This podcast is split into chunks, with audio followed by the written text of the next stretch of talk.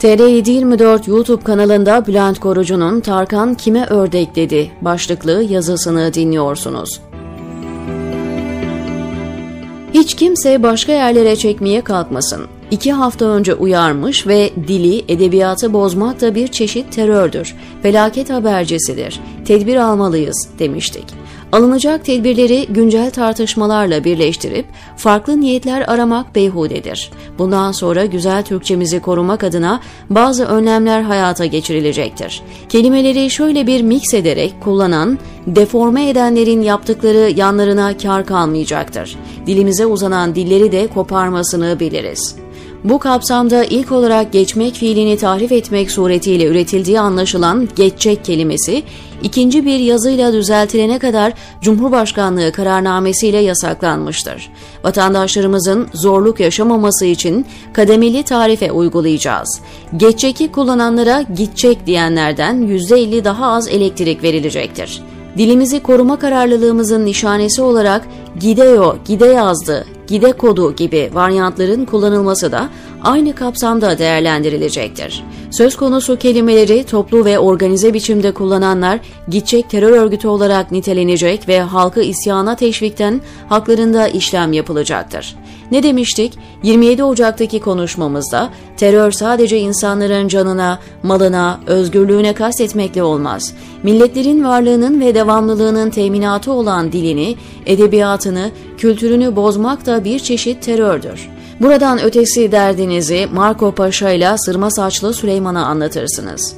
Bay Kemal'in adamlarının bu entelektüel çabamızı Midas'ın kulakları, Yıldız Sarayı'ndaki büyük burun ya da 12 Eylül Anayasası oylanırken yasaklanan mavi kelimesiyle bir tutma girişimleri dikkatlerden kaçmıyor.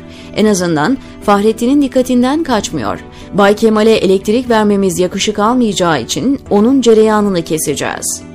Hem zaten faturasını ödemeyerek kendisi kaşınmıştır. Böylece evinin mutfağında çektiği videolarla benim vatandaşımın huzurunu kaçırmasının önüne geçilmiş olacak. Yeri gelmişken Edirne'dekinin kettle'ını aldığımızı da belirtmek isterim. Gerçi o kettle'ı amacı dışında kullanmanın hesabını İmralı'dakine verecek ama olsun biz yine de tedbirimizi almış olduk. Benim bir şarkıdan korkup onu yasaklatmaya çalışmayacağımı söyleyen cibilliyetsizlere gelince tam aksine böylesi girişimler benim oyumu artırmakta ve küskünlerin kapana pardon yuvaya dönmesini sağlamaktadır.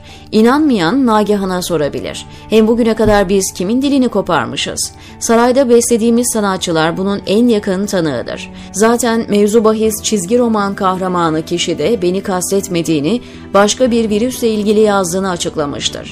Bunaldığı bir anda dilinden dökülen hezeyanlarını ciddiye alacak değiliz.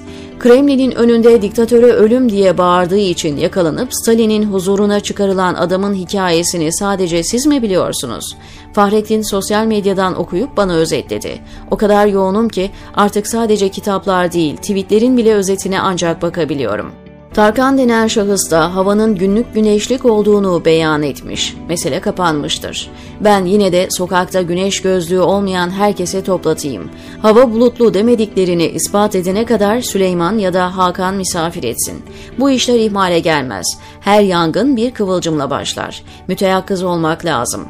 Uzun süredir uyku tutmuyor. Resmi gazeteye makale yazacağıma biraz bunlarla oyalanayım. Not. Bu yazı ironi içerebilir. Alerjisi olanlar dikkatli okusun, diyor Bülent Korucu TR724'deki köşesinde.